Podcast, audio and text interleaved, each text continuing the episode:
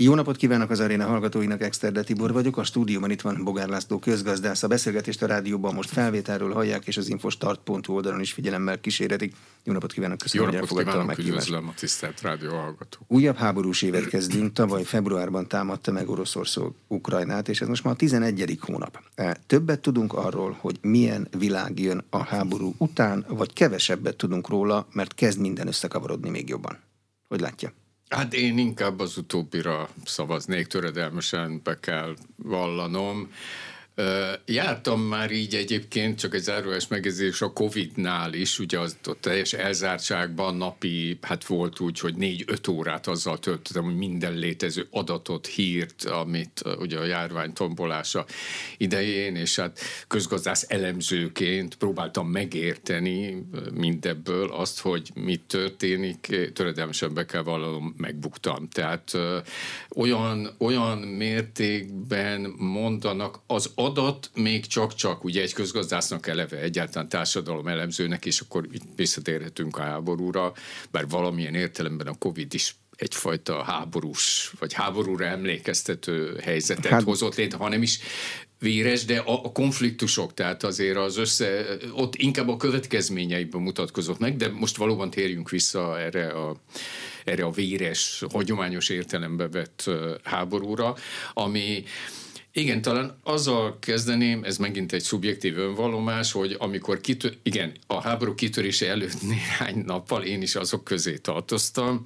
csak óvatosabb voltam, mint a kollégáim talán, hogy nem azt mondtam, hogy nem lesz háború, hanem hogy szinte biztos, hogy nem lesz háború, de aztán azt hozzátettem az utolsó írásomban, ami azt hiszem két vagy három nappal, 24-e, február 24-e a háború kitörése előtt jelent meg, azt hozzátettem, hogyha a világot ténylegesen irányító erők azt akarják, hogy legyen háború, akkor sajnos lesz háború. Azért tettem hozzá, hogy sajnos, mert azt hiszem minden épp moralitású ember igyekszik, vagy igyekezne mindent megtenni, hogy ne legyen háború. Én ma úgy látom egy évvel, most már lassan háború kitörése után, hogy sokkal bonyolultabb és nehezebb megítélni magát a háborút is, mint mondjuk az elején, vagy az első hetekben, hónapokban, és különösen rendkívül nehéz mondhatni minden létező emberi energiát, meghaladó energiákat igényelne, az, hogy bármilyen prognózist mondjunk arra vonatkozóan, hogy ez hogyan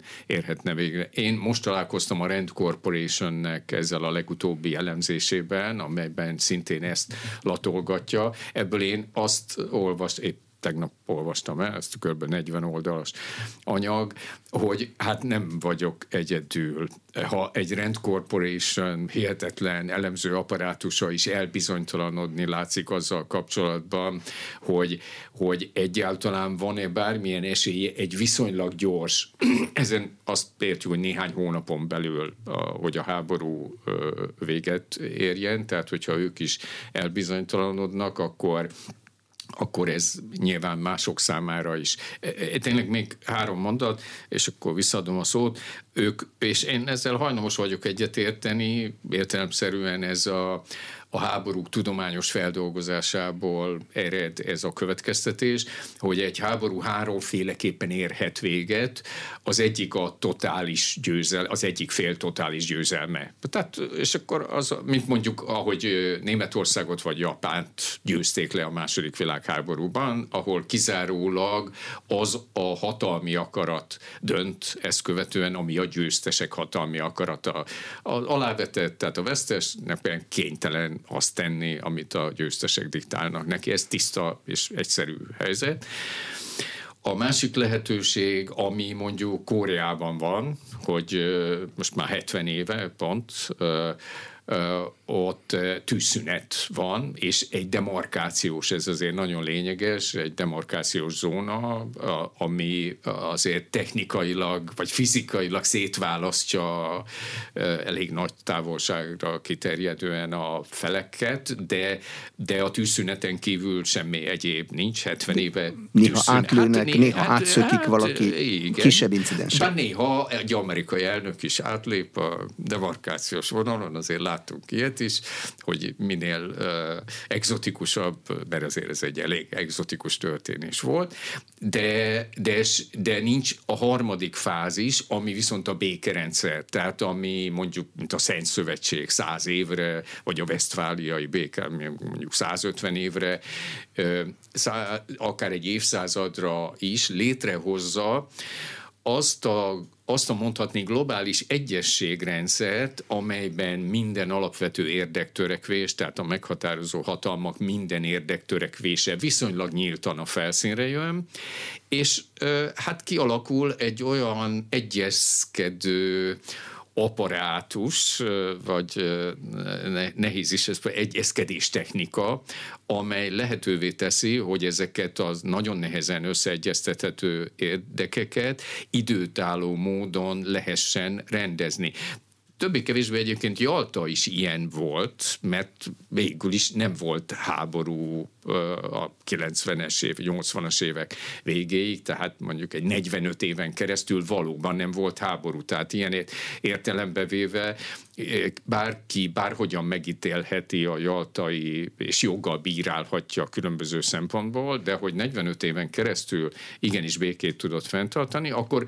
utána jött egy posztjalta, ami hát szintén 35 év most már lassan, ha 88-tól veszük, amikor Gorbacsov először régen elnökkel, aztán utána ugye az idősebbik Bussal elkezdte azokat a tárgyalásokat, ami ehhez a posztjaltához vezetett, de hát most a posztjalta is igen látványosan szétesett, és ahhoz, hogy egy új békerendszer kerüljön a helyére, ahhoz őszintén, és talán ebben a beszélgetésben tehetünk erre kísérletet, őszintén fel kellene tárni ennek a háborúnak a sokkal mélyebb rétegeit, mert a felszíni, a felszíni retorika, nem is narratívát mondanék, mert az egyszerű technikai retorika, a felszíni te- technikai retorika alapján akármelyik fél, tehát akár az oroszokat, akár az uk- ukrán, akár Amerikát, mert ez végül is amerikai-orosz háború, ezzel minden szakértő az amerikai birodalom iránt teljes odaadással viseltető szakértők is kezdetől fogva hangsúlyozzák, hogy ez egy amerikai-orosz háború,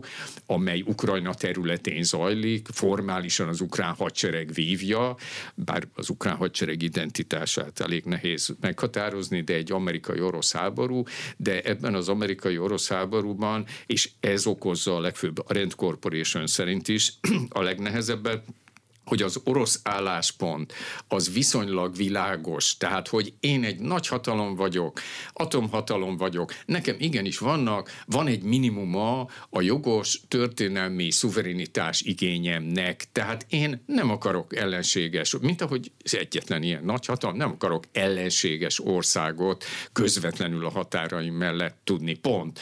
Oldjuk meg valahogy azt, hogy ez ne így, ne így legyen. Ez viszonylag világos. Az amerikai álláspont, akármennyire is szeretném érteni, az azért szét, szétfolyósabb. Tehát a, abból sokkal nehezebben rekonstruálható az, hogy mit akar az amerikai birodalom, tehát hogy mit akar az orosz birodalom, és itt azért nevezem birodalomként őket, mert valóban azok. Tehát globális érdekekkel, Oroszország is az az atomhatalom mi voltánál fogva, meg az eurázsiai kapcsolódási rendszereinél fogva, és azért nehéz válaszolni arra a kérdésre, hogy, hogy mikor érhet véget ez, tehát ahogyan a szerkesztő úr ezt a kérdést megfogalmazta, mert két olyan fél vívja a, az egyre, egyre inkább eszkalálódó háborúját egymással, ahol az egyik fél álláspontja pontja viszonylag világos, de a másiké egyre homályosabb. És láthatólag, mintha menet közben is változtatná állandóan a stratégiai céljait is. Csak Amerikát kell figyelembe venni, a másik hatalomként. Itt van az Európai Unió, itt vagyunk benne mi is, Magyarország is. Ott van Kína is, szomszédságban, Persze. Oroszországgal. Nagy aktorok vannak. Így van, így van, pontosan erről van szó. Én is úgy látom. Azért hangsúlyoztam Amerikát, mert azért mégiscsak Amerika meghatározó meghatározó ö, ellenfél, ha úgy tetszik, tehát ő van elsősorban konfliktusban. Európára, igen, az Európai Unióról beszélhetünk akkor inkább. Én ezt úgy szoktam megnevezni, tudom, hogy ez sok szempontból meghökkentő, akár felületes is lehet, de számomra valójában az Európai Unió nem más, mint a szemérmesen Európába öltözött német birodalom, negyedik német birodalom.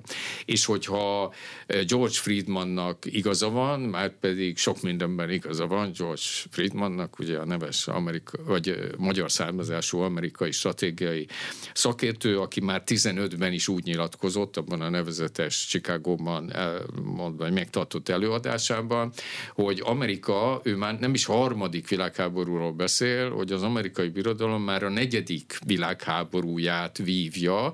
Az első világháborúban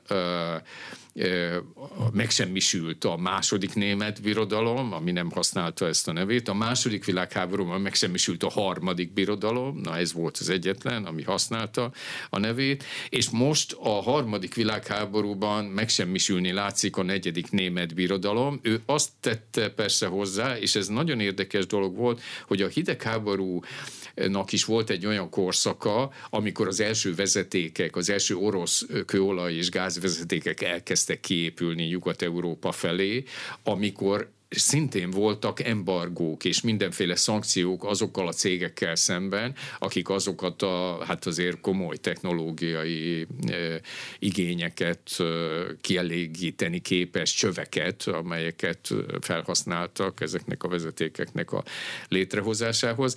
Tehát a kérdése tökéletesen jogos. Én is úgy gondolom, hogy négy nagy hatalom találkozik itt, értelemszerűen a két közeli hatalom, Oroszország és Németország, de a negyedik német birodalom az valójában az Európai Unió, akik már kétszer szembe kerültek egymással, mármint a német birodalom meg az orosz birodalom a két világháborúban, tehát ilyen értelembe véve valóban megrendítő az, hogy harmadszor is nagyon hasonló mintázatok kezdenek kialakulni.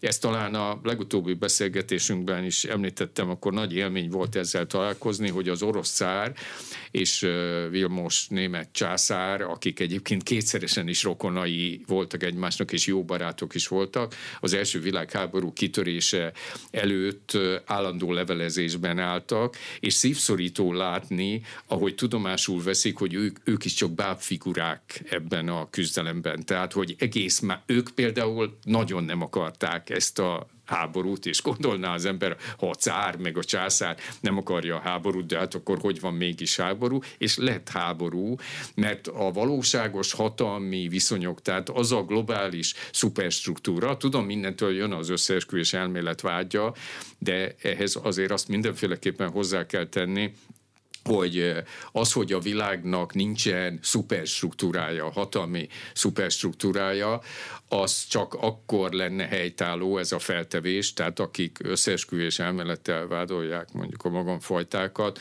azoknak szembesülnie kellene azzal a statisztikus termodinamika nevű tudományág ugyanis úgy gondolja, hogyha egy nagyon komplex rendszerben, rendszernek nincsen felettes struktúrája, tehát egy ilyen szuperstruktúra, amelyik irányítja, amely akár lehet láthatatlan is, de ha nincsen ilyen, akkor abban mindig a véletlennek kell uralkodnia.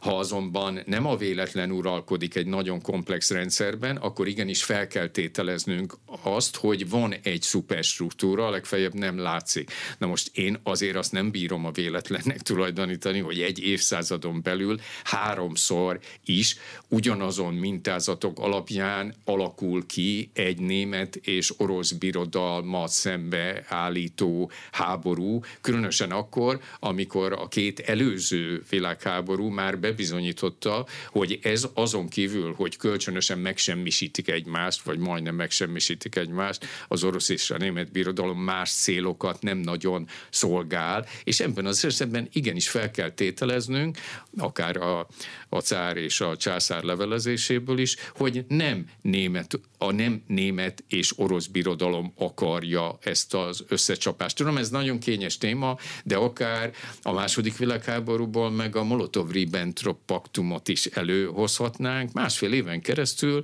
az orosz és német eliteknek igenis volt egy olyan rétege, amely joggal gondolta úgy, hogy de, de miért is kellene kölcsönösen megsemmisítenünk egymást, mikor, és az elmúlt 25 év pontosan ez bizonyította be, hogy a békés, kölcsönös előnyökre épülő stratégiai együttműködés sokkal előnyösebb, mint a háború, előnyösebb német, a német birodalomnak és az orosz birodalomnak, és tegyük hozzá, ahogy helyesen említette, a Kínának az eurázsiai együttműködési rendszernek. Abból a, szempontja, abból a szempontból értelemszerűen a együttműködés mindenféle szempontból sokkal tökéletesebb megoldás, mint a háború. Tehát a, német, a negyedik német birodalom, amelyet Európai Uniónak látunk, az orosz birodalom és a kínai birodalom eurázsiai együttműködése értelemszerűen hihetetlen szinergiát hozott létre az elmúlt 25 év során. Igen, csak az amerikai birodalom és ezt tudomásul kell vennünk, ha egyszer ma a világon a legerősebb és a leginkább meghatározó az amerikai birodalom, és az ő stratégiai szempontjaiból meg ez a legfélelmetesebb fenyegetés, hogy létrejön. Ezt egyébként már Brzezinski is megfogalmazta The Great Chessboard, ugye a nagy sakjátszma című stratégiai elemző művében, hogy a legnagyobb fenyegetés az amerikai birodalomnak a, a ő Németországnak, de német birodalom orosz birodalom és kínai birodalom hosszú távú, kölcsönös előnyökre épülő stratégia együttműködése, tudnélik ez megfosztaná az amerikai birodalmat a kereskedelem, a pénz és a média terén gyakorolt világuralmától. Márpedig ez a három közvetítő mező, a kereskedelem, a pénz és a média, mert mindegyik közvetítő elem, ez a hatalom gyakorlásnak sokkal hatékonyabb módja, mint a háború kemény eszközeivel gyakorolt hatalom. Jó, de ebből a levezetésből lehet más következtetést levonni, mint hogy mindenki teszi azt, Oroszország, Amerika, Kína, ami a saját érdekének a legjobban megfelelő, nem is nagyon tehetne mást, mert az az érdekének a megfelelő, mi meg itt vagyunk a daráló kellős közepén? Igen, valóban így van, mint a, hivatkoztam a Westfáliai békére. Tulajdonképpen a nulladik világháború az a 30 éves háború volt, 1618, legalább akkor a pusztítást okozott Európában, mint a két világháború. Csak nem 1600... volt tévé, amiben lehetsen látni. Csak akkor mi így van, nem? Hát tökéletes. Én is éppen valami hasonlót szerettem volna mondani. Nagyon köszönöm a kiegészítést. Tehát a látványosítás az akkor még értelemszerűen nem működött, tehát 1618 és 1648 között az volt a nulladik világháború, és egyébként az is megsemmisítette az első német birodalmat, tehát a német-római birodalmat, ami formálisan nem akkor omlott össze, hanem Napóleon nyomása alatt 150 évvel később, de lényegében a, a, a halálos csapást a, a 30 éves háborútól szenvedte el, és akkor is ugyanez volt a helyzet, tehát a meghatározó hatalmak között feloldhatatlannak látszát egyébként egy ilyen iszonyú pusztítással járó gyilkos háború miért alakult volna ki, és tartott volna 30 éven keresztül, ha lett volna egy békés együttműködésre lehet. Tehát, tehát nyugodtan fogalmazhatunk úgy, hogy akkor legalább olyan reménytelennek látszott, amennyire én rekonstruálni tudom a háborúról, a 30 éves háborúról szóló elbeszélésekből, legalább annyira reménytelennek látszott, hogy ilyen egymásnak totálisan ellentmondó. Akkor is pontosan ez történt, hogy birodalom tette a dolgát, ment a saját stratégiai érdeke. Szeszon Metjén ez pár, hogy volt-e fogalmazott, ez a szakmája minden birodalomnak, hogy a saját stratégiai érdekeit kövesse, de van egy bizonyos pont, sajnos ez egy elég vészjósoló jel, hogy 30 évig kellett iszonyú pusztítással háborúzni ahhoz, hogy minden érdekelt fél rájöjjön arra, hogy na gyerekek, most érkeztünk el ahhoz a ponthoz, ahol azért mégiscsak kísérletet kellene tennünk arra, hogy ugyan teljesen reménytelennek látszik ez az egyesség, de hát ha mégis lét. És a Westfália békerendszerben jó, eltartott egy pár évig, mármint a béketárgyalások rendszere, de a jelek szerint mégiscsak találtak valami olyan hatalmi egyességrendszert, amelyik utána hát kb. 150 évig, tehát mondjuk a francia forradalomig, napóleoni háborúkig azért Európát mégiscsak meg, megóvta olyan pusztító háborútól, mint amilyen a 30 éves. Tehát itt is hinnünk kellene abban, de nem tudok más mondani, hinnünk kellene abban, hogy van valamilyen közös része, mert egyelőre nincs közös halmaza, hogy a halmaz elmélet fogalmaz, tehát ezeknek a birodalmi érdekeknek nincs közös halmaza. De, de bocsánat, hinn... az se közös halmaz, hogy míg a 30 éves háborúban nem voltak tömegpusztító fegyverek, nem voltak atomfegyverek, most vannak mind a két háborúzó fél birtokában? Ez nem sürgeti meg a hatalmakat, hogy ezt a lehetőséget el kellene kerülni? Hát ezt inkább azt hiszem mind a ketten kérdésként fogalmazhatnánk meg, mert a magunkfajta egyszerű emberek számára ez kellő imperatívus ahhoz, hogy de, de pontosan, tehát mondjuk a, az emberiség önmegsemmisítésének törekvés, szép és nemes elkerülésének szép és nemes törekvése talán elég közös rész ahhoz, hogyha ezt valóban el akarjuk kerülni, akkor találjunk erre valamilyen valamilyen megoldást. Az alapvető problémát valószínű az okozhatja, hogy ha most egy pillanatra a második világháborút megelőző illetve hát a 38 és 41 közötti három évre térünk vissza, ott három alapvető birodalmi érdek ütközött össze, volt a német birodalom és a akkor Szovjetuniónak nevezett orosz birodalom, meg volt, ha úgy teszik a nyugat, akkor nevezzük úgy, tehát elég nehéz pontosan megnevezni, Amerika, Anglia, Franciaország, a szövetségesek, és a, hát tehát három szereplő, három év alatt három kombinációt próbált ki. Az első kombináció München 38-ban, ahol a nyugat végül is tulajdonképpen a német birodalommal köt valamiféle szemérmes szövetséget, és tolja inkább kelet felé a német birodalmat. Majd ezt követően a német birodalom és a Szovjetunió, az orosz birodalom köt egy Molotov-Ribbentrop paktum, alig, ha nem azért valamilyen értelemben a nyugattal szemben, legalábbis a nyugat joggal tekintette ezt rendkívüli fenyegetésnek, majd ezt követően Hitler mégiscsak megtámadja a Szovjetuniót, és akkor meg a nyugat köt szövetséget a Szovjetunióval. Tehát azért nagyon fontos látnunk azt, hogy a birodalmi, a birodalmi szemléletmód, amely egyszerre próbálja azt a képet közvetíteni magáról, hogy nekem elvi, stratégiai elveim vannak, és három év alatt három szereplő, három különböző kombinációban próbál valamit tenni annak érdekében, hogy, hogy, hogy valami olyan történjen, ami segíti az ő stratégiai érdekeit, és mégiscsak kitör az iszonyatosan pusztító háború,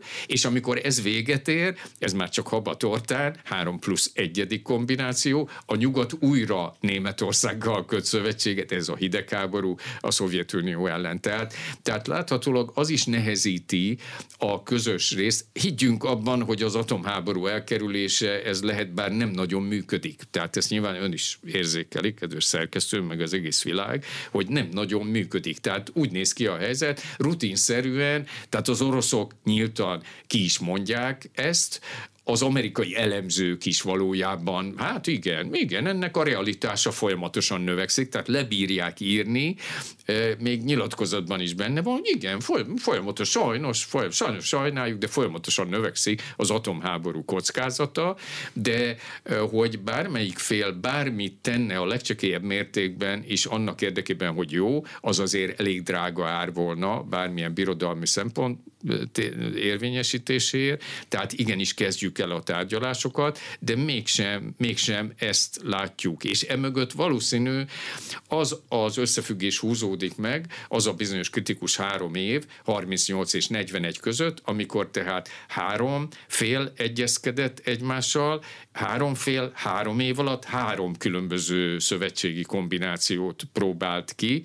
Úgy látszik, sajnos egyre inkább úgy érzem, hogy lehet, hogy mi is egy ilyen szakasz előtt állunk, hogy csak az a baj, hogy most zajlik folyamatosan a háború, és hogy három éven keresztül mondjuk három vagy öt kombinációja alakul majd ki azoknak a birodalmi érdekegyeztetéseknek, amelyekből reményeink szerint mondjuk valamilyen egyesség valahogy csak kikeveredik. De ezzel együtt is a döntő kérdés eh, az, amit a beszélgetésünk elején érintettük, hogy míg az orosz birodalmi álláspont viszonylag világos, tehát az azt mondja ki, hogy gyerekek, Gorbacsov idején nem ez volt az ígéret. Tehát mi először is kivonultunk Németországból, és nem gördítettünk akadályt a német egyesítés elé. Ez már egy gesztus volt. Majd ezt követően kivonultunk egész Közép- és Kelet-Európából, ez is egy gesztus volt. Ezt követően azt is tudomásul vettük, hogy ezeket az országokat pedig maradhattak volna semlegesek is, lásd Finország, Finnország, Ausztria,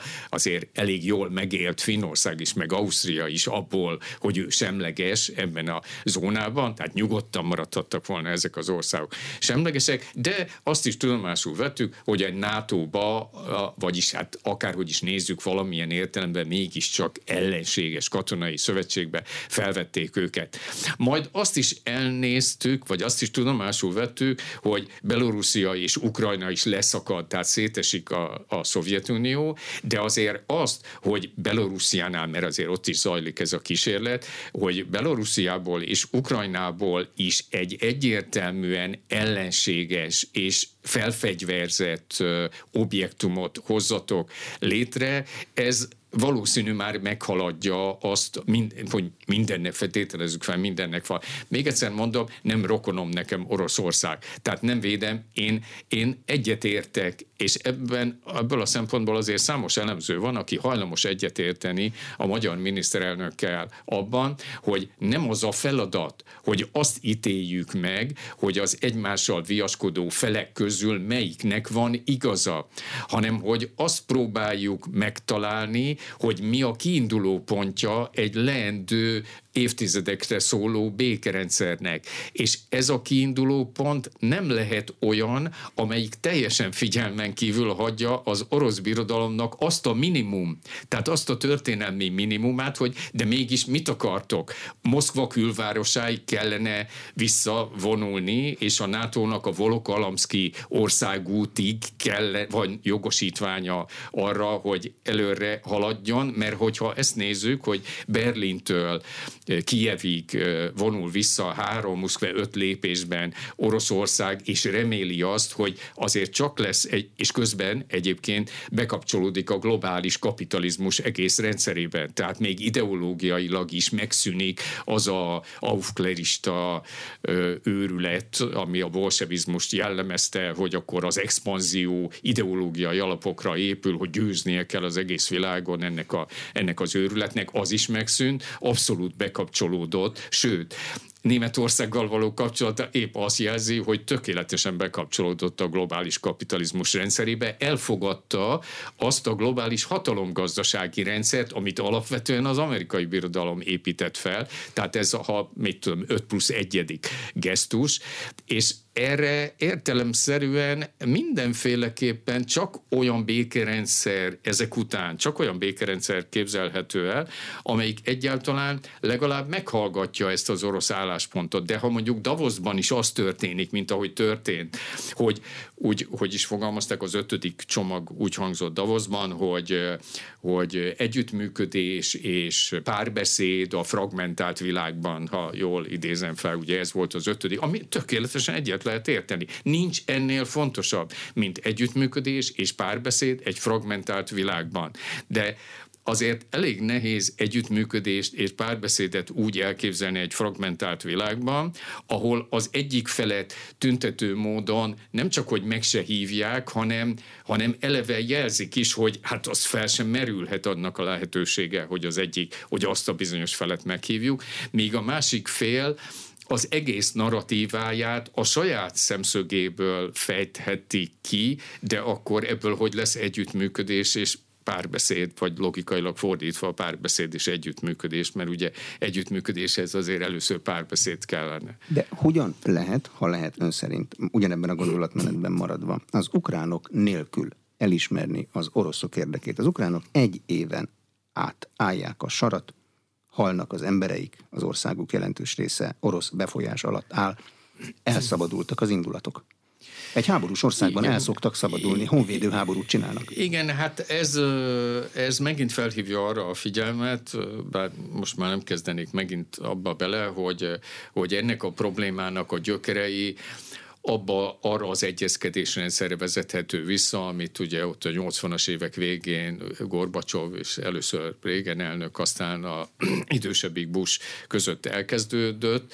Abban az egyezkedésrendszerben kellett volna, mert ez végül is mondjuk 88-87-től talán, már sőt már 86-ban találkoztak először a hiszem Izlandban régennel, tehát 86-tól mondjuk 91-92-ig a Szovjetunió felbomlásáig és az, a szabad, független Ukrajna létrejöttéig.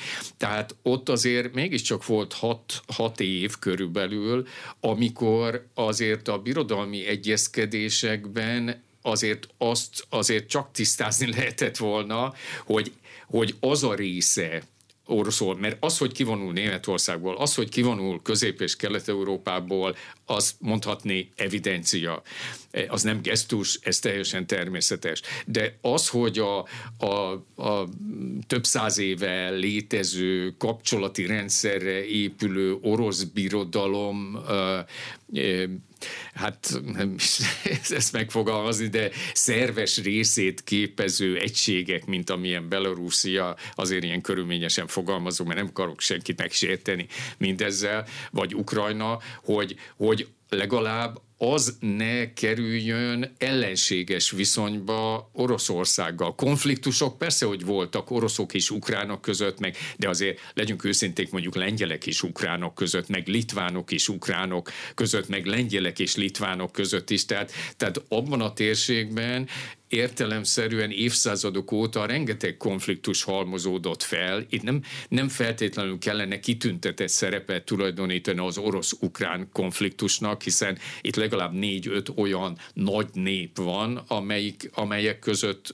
kialakultak, vagy léteztek ezek a történelmi konfliktusok. Tehát itt megint az a, az a legalapvetőbb kérdéskör, hogy mindent meg kellett volna tenni minden szereplőnek annak érdekében, hogy ez a konfliktus ne, ne juthasson ebbe a fázisba. És ebből a szempontból én el teljesen egyértelműen úgy látom, hogy az a végtelenül felelőtlen magatartás, amit az amerikai birodalom 2014-ben tanúsított Ukrajnával kapcsolatban, most alapvetően az üt vissza.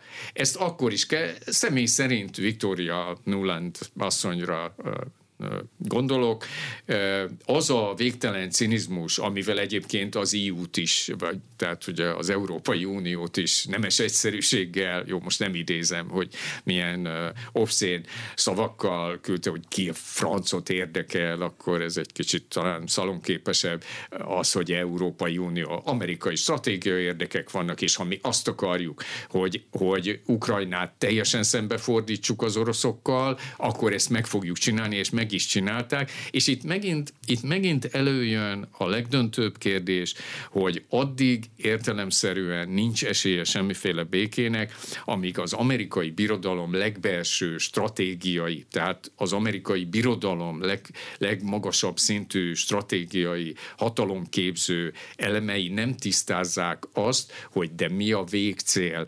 Tehát mit akarnak elérni, mert azt, hogy értelemszerűen szét akarják rombolni, ez sikerült is, ugye a robbantással ez teljesen egyértelművé vált, most volt a szenátusi meghallgatás, ott Nuland asszony, mert Ted Cruz ugye a, a szenátusi bizottságnak a vezetője, és szintén cinikusan utal is rá, hogy ugye bár uh, Ted Cruz uh, szenátor úr is pontosan tudja, hogy milyen uh, kiváló lehetőség, ezt egyébként az amerikai külügyminiszter is kimondta, hogy tremendous opportunity, hogy valaki felrobbantotta az északi áramlat vezetéket, és ezzel szimbolikusan is egyszer is mindenkorra lezárta a német német-orosz kölcsönös előnyökre épülő együttműködést, és tulajdonképpen deklarálta a háborút Németország és Oroszország között.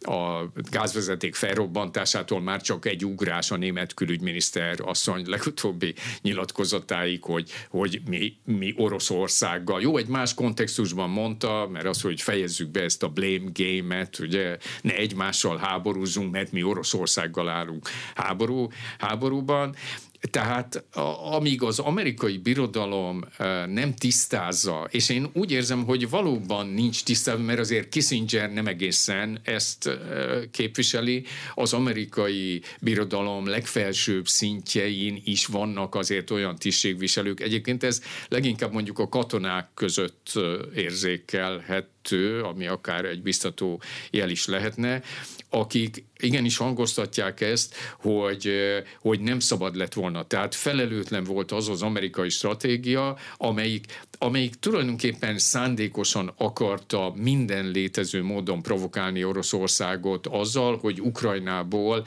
egy, akárhogy is nézzük, 2014 óta egy Oroszországgal a legsötétebb történelmi indulatok felgerjesztésével, Oroszországgal egy egyre inkább ellenséges viszonyban lévő Ukrajnát hozott létre. Azt hiszem, hogy annál beszédesebben nem is jellemezhetné a helyzetet egy sajátos összefüggés, hogy évtizedeken keresztül a finlandizáció az egy pozitív értéktartalmú fogalom volt. Azt jelentette, hogy az a pozíció, amit elsősorban Finnország, de Ausztria is képviselt ebben az ütköző zónában, hogy a két nagy történelmi birodalom, a német és orosz birodalom között egy viszonylag semleges semleges, mindkét oldala jó viszonyt ápoló, és ebből, a, és ebből a jó, hát igen, de, de hát azért Finnország és Ausztria példája elég meggyőzően azt jelzi, hogy not so bad, szóval lehet, lehet ezt igenis hosszú távon mindegyik fél, tehát a birodalmak számára is kielégítő ez a magatartás, meg az sem jár igazán rosszul, azért ha ránézünk Finnországra, meg Ausztriára ebben az időszakban, azért olyan nagyon rosszul nem jártak ezzel a szereppel. Tehát why not? Tehetnénk fel a kérdést, miért ne lehetne éppen, hogy ezt megerősíteni. Miért ne lehetett volna elképzelni, horribile dictu, egy olyan Ukrajnát, amelyik pont ezt a helyzeti előnyt próbálja lezsilipelni. Tehát az, hogy ő egyformán jó kapcsolatot ápol, hát nyilván Oroszországgal már csak azért is, mert hát ugye megvan a történelmi talapzata, meg a kötődések, és a nyugattal is, és ezt a mondjuk a Nyugat-Európával, vagy a német birodalommal ebben az értelemben, és miért ne lehetett, miért ne lehetett volna elképzelni egy Finnország, hogy vagy Ausztriához hasonló státuszt, hogy Ukrajna is egy mindkét birodalommal viszonylag jó, normális kapcsolatot ápoló, társadalmi, gazdasági és akár politikai, kulturális értelembe véve is egy normális kapcsolati rendszert, a kölcsönös előnyökre épülő normális kapcsolati rendszert tart fenn.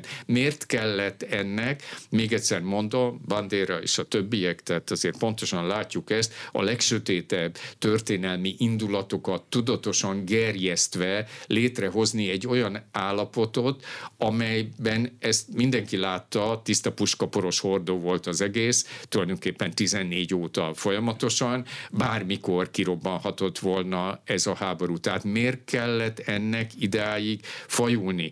Ahhoz, hogy ki tudjunk keveredni a háborúnak ebből a mocsarából, ahhoz bizony őszintén fel kellene tárni azt az utat, amivel belekerültünk ebbe a mocsárba, és enélkül szerintem akkor se fog menni, hogyha az amerikai birodalom legfelsőbb szintű döntéshozói számára ez kétségtelen kényelm, még leginkább Viktória asszony számára, ez kétségtelen elég kényelmetlen összefüggések feltárásával járna együtt, De... amiről én megértem, hogy nem akarják ezt, csak enélkül meg én meg nem tudom értelmezni azt, hogy valaha is véget ér ez a háború. Vissza lehet hozni bárkinek is Ukrajnát egy ilyen semleges, mindkét oldallal jó viszonyt nem, válasz állapotban. Nem, Elfolyt nem, rengeteg nem, vér, nem, az oroszok nem, megtámadták ez, őket, egy nem, éve ez, tart a háború. Ez nem, ez, ez, ez kétségtelen, ez, ez a lehetőség elúszott, de ezzel a, jó, igen, persze, tehát én abszolút megértem, megértem az, hogy, hogy Ukrajnában ezentúl egy jó darabig már alig ha, bár azért szerkesztő úr, szóval amit az oroszok és németek egymással műveltek 41 és 45 között, hát azért, azért azt gondolom, azért négy éven keresztül, szóval azért ott is történt egy és más, ami érzelmileg, indulatilag azért nem tette túlságosan vonzóvá egy más számára ezt a két népet, vagy ezt a két államot. De legalább nem szomszédok. É, hát ez kétségtelen. Viszont ön nyert. Igen, hát ez, igen, de ebből, hogy legalább nem szomszédok, tehát hogy közt, igen, mert ott van a köztes Európa közöttük ezer éve, ez kétségtelen. Igen, de erre meg az lehetne talán a válasz, hogy hát e, ugye, hogy mondja József Attila, hogy ős patkány terjeszt kort, mi köztünk a meg nem gondolt gondolat. Hát tetszett volna egy picit előbb gondolkodni. Tehát, hogyha ha mind a két fél tudja, hogy de mi nem tudunk ütköző zónát varázsolni közénk, mert nem értelmezhető. Persze, tehát ha, ha ennek bármiféle lehetősége lett volna, akkor akár elengedhette volna szabadon a indulatát mind a két fél. De ezért kellett volna előbb gondolkodni, és sajnos én is úgy látom, tehát ezzel egyetértek, csak legyünk őszinték így a beszélgetés vége felé közeledve, hogy e, ezzel meg ugye nem sokra megyünk, tehát akkor miért untattuk a kedves hallgatókat, hogyha elképzelésünk se sincs, már pedig pedig sajnos be kell vallanom, nincs. Tehát olyan mértékben mérgesedett el a helyzet, tehát olyan iszonyú indulatok és annyi pusztító, ez a különböző deklarációkból egyértelműen ki is derül, olyan pusztító, amely pusztító indulatot azért tegyük hozzá, hogy az amerikai és német birodalom is inkább gerjeszteni igyekszik, tehát ez meg a dolog másik oldala, hogy, hogy az egy dolog, hogy az oroszok és az ukránok között most már lélektanilag szinte tökéletesen reménytelen a helyzet, és valóban elképzelhetetlen az ütköző zóna, de, de azért a másik két birodalom, elsősorban amerikai, az amerikai birodalom meg a német birodalom felelőssége abban, hogy hogy nem csitítani igyekeznek mindezt, hanem, hanem hát szinte minden eszközzel inkább gerjeszteni igyekeznek ezt az egyébként is már kellőképpen életveszélyes konfliktust. Ez, ez, ez to, egy egyébként tovább nehezíti, vagy tovább nehezíti az abéli reményünket, hogy itt bármilyen megoldás születhetne. És ha már erről beszélt, hogy ugye ütköző zóna, igen, a Rent Corporationnek ez, a, ez az elemzése, ez a legutóbbi elemzése úgy diszkréten erről is beszél, hogy mivel a, a totális győzelem az értelmezhetetlen, és akkor talán térjünk ide-vissza így a vége felé ehhez, hogy logikailag, tehát most próbáljuk logikai rendbe, akármilyen nehéz is, logikai rendbe szervezni ezt az egész kérdéskört, a totális győzelem elképzelhetetlen. Oroszország értelemszerűen nem engedheti, mert mi az, hogy totálisan legyőzik, de nem is tudjuk tényleg mi, mi, mit jelentene, de mondja meg valaki, mit jelentene Oroszország kényre, kedre való totális leverése. A háború hát, elmélete szerint jó, azt jelenti, hát, hogy semmit nem tud onnan a saját akaratából csinálni, csak a győző akaratából. Hát, de ez Ukrajna esetében is valószínűleg De azt mondom, igaz. persze, tehát, tehát az, de a Rand Corporation is ezzel fejezi be, az ezzel kapcsolatban, hogy ez értelmezhetetlen. Tehát egyik fél sem engedheti meg, és nem is fogja, és nem is engedné meg, hogy a másik arasson totális Tehát ez értelmezhetetlen. Akkor két opció jön számításba, a, a ugye ceasefire, vagy armistice, tehát a, a tűzszünet, és vagy a béke, a hosszú távú békerendszer. Na most a hosszú távú békerendszerről is láttuk, hogy jelenleg nincs közös része a stratégiai elképzeléseknek, tehát az egyetlen lehetőség a tűzszünet. A tűzszünethez, tehát legalább odáig kellene eljutni, hogy a minden alapvető birodalom, tehát a konfliktusban érintett valamennyi birodalom belássa, hogy nem tudunk most már ebből kikeveredni, tehát totális győzelmet egyik fél sem maradhat, békerendszernek híre hanva sincs, és eh, ahogy ez kinéz, jó darabig nem is lesz, ezért az egyetlen lehetőség, hogy elkerüljük egy, egy esetleges atomháborút, a tűzszünet. A tűzszünethez technikailag azt hiszem, hogy végül is meglennének a, a feltételek, csak ugye azt meg az nehezíti, hogy, hogy Ukrajna, aki egyetértene egy tűzszünettel természetesen, azt mondja, hogy tűzszünetről is csak akkor tárgyalhatunk, hogyha az oroszok teljesen elhagyják nem csak ugye a két keleti régiót, hanem a Krim félszigetet. No de innentől meg visszaestünk ugyanoda, hmm. honnan az oroszok meg azt mondják, hogy meg csináltak népszavazást, az már a miénk, onnan már nem mennek ki. Mit csináljunk mi itt ebben a térségben? Nekünk milyen lapot osztottak? A NATO és az szövetségesei vagyunk annak megfelelő kötelezettségekkel, meg az Európai Unió Ez tagjai igaz, is vagyunk. így van, tehát ezzel illik kezdeni, megvan a szövetségesi rendszer, és ebből felelősség származik természetesen, de azért azt is hozzá kellene ehhez tennünk, és ebből a szemszögből azt hiszem én legalábbis kevés ilyen nézőponttal találkoztam, talán egy kicsit furcsa is lesz, amit, amit mondok, hogy az elmúlt 33 év tulajdonképpen a német egyesítés óta lezajlott 33 év, ami egyébként a rendszerváltások rendszere is egyben, itt ebben a térségben, csak halkan teszem hozzá, hogy ugyanannyi, mint a Kádár rendszer, az is 33 évig létezett, tehát 33 év, és ez a rendszer társadalmi, gazdasági értelemben, tehát a rendszerváltások rendszere ebben a köztes Európában, a német és orosz birodalom közötti köztes Európában, ez alapvetően, így visszatekintve most már teljesen egyértelmű, arra, ép, arra a feltételezésre épült, hogy ez most már örökre így lesz. Tehát a német, orosz, hosszú távú, kölcsönös előnyökön nyugvó, elsősorban gazdasági, de társadalmi, politikai, viszonylag normális, jó viszony az, amire épültek ezek a rendszerek. Ha most ez összeomlik, már pedig a gázvezeték felrobbantása egy szimbolikus aktussal jelezte, hogy eddig így volt, de ennek vége.